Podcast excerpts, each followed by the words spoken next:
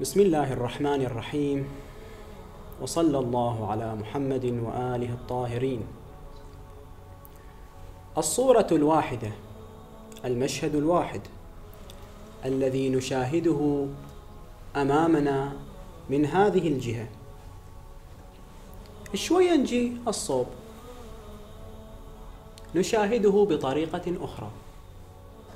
نشاهد فيه امورا قد لا تتبين إذا كنا في الموقع الأول.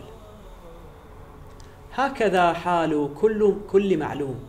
المعلوم الواحد الطالعه من هذه الجهة ترى فيه إيجابيات وسلبيات ترى فيه محاسن ومساوئ قلت أو كثرت. تعال من جهة ثانية قد لا ترى فيه إلا مساوئ. من جهة ثالثة قد لا ترى فيه إلا محاسن وهكذا. هذا الخاتم من هذه الجهة قد يكون جميلا. شوي فرة. شوي. فيه جهات كمال لكن تبينت فيه جهات نقص. الفص تراه له رونق وجمال لكن أسفله لا تراه جميلا. هكذا شأن كل معلوم إذا نظرت إليه من جهاته الثانية. أين نأخذ امرا سنه لنا الأئمة الطاهرون في هذا الشأن؟ هو في أحاديثهم كثير. الإمام الهادي صلوات الله عليه نقل عنه حادثة أبو هاشم الجعفري قال أصابتني ضيقة شديدة. أبو هاشم يقول فصرت إلى أبي الحسن علي بن محمد عليهما السلام. الإمام الهادي. فأذن لي فلما جلست قال يا أبا هاشم. الإمام اللي ابتدأ يا أبا هاشم أي نعم الله عز وجل عليك تريد أن تؤدي شكرها؟ أي وحدة؟ أنت اللي جاي الحين على حسابها. قال أبو هاشم فوجمت فلم أدر ما أقول له. يعني يوم ابتدأني الإمام وقال لي مثل هذا الكلام أنا بعد سكت بهت ما دريت وش أقول له. فابتدأ الإمام عليه السلام قال رزقك الإيمان فحرم بدنك على النار ورزقك العافية فأعانتك على الطاعة ورزقك القنوع فصانك عن التبذل. كل هذه النعم وكل هذه الحيثيات الطيبة المباركة التي خلا منها كثير من الناس. ما شفتها ما شفت إلا الضيق الشديد الذي حل بك؟ فلذلك الإمام عليه السلام عندما ابتدأه قال أي نعم الله سبحانه عليك تريد أن تؤدي شكرها. ترى أنت عندك واجد أشياء زينة. ليش ما تشوفها؟ ليش ما جيت إلا وقت الضيق؟ لكن وقت النعم ما ذكرت الله سبحانه. الإمام يقول له يا أبا هاشم إنما ابتدأتك بهذا لأنني ظننت أنك تريد أن تشكو لي من فعل بك هذا هذا الضيق اللي أنت جاي له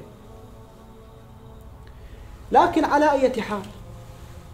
وإن كان الإمام عليه السلام أراد أن يسن لنا سنة إن الأمور طالعها من جانبها المشرق الجيد حتى تبعث فيك الأمل كثير من الأمور التي هي في واقعها. نعم ما نطالعها بس من تطلع لنا نقطة سوداء يصير التركيز كله عليها. ننحصر فيها فلا نشكر النعم الموجودة.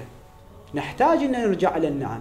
هذا لا يمنع أن الذي أصابنا سوء أو أنه أمر سلبي يحتاج إلى تصحيح.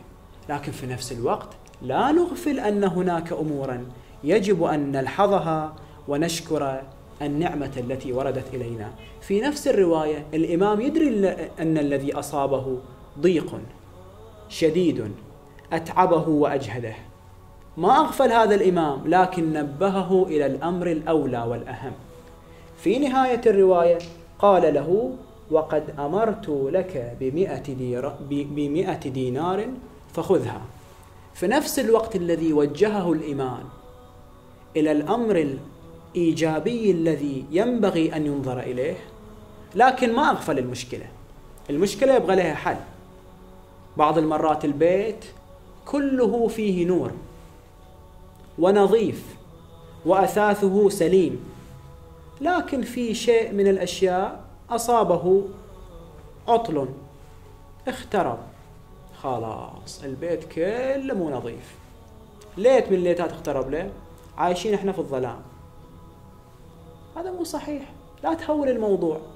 هذا ما يمنع أن الليت الصلحة لكن في نفس الوقت لا تكفر النعمة الموجودة. فلذلك عندنا أن عيسى عليه السلام مر هو مع الحواريين على جيفة كلب. فالحواريون قالوا ما أنتن ريح هذا الكلب؟ عيسى عليه السلام ما قال لهم بأن كلامكم خاطئ. لكن يقول لهم ترى التفتوا للجانب الحسن في الأمور. ومن الصحيح أن ننظر ونقصر النظر فقط على الجانب السيء. قال لهم عيسى عليه السلام ما أشد بياض أسنانه.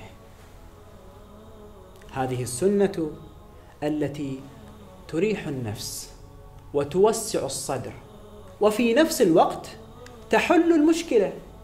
إذا كان هناك ضيق في جانب من الجوانب فانظر إلى السعة الموجودة في الجوانب الأخرى وعالج هذا الضيق إذا كان هذا الكلب له رائحة نتنة وما شابه فانظر إلى الجانب الحسن كي تستفيد وكي توسع صدرك حتى لا تضيق عليك الأمور لكن في نفس الوقت عالج هذا الأمر إذا كانت هناك مشكلة.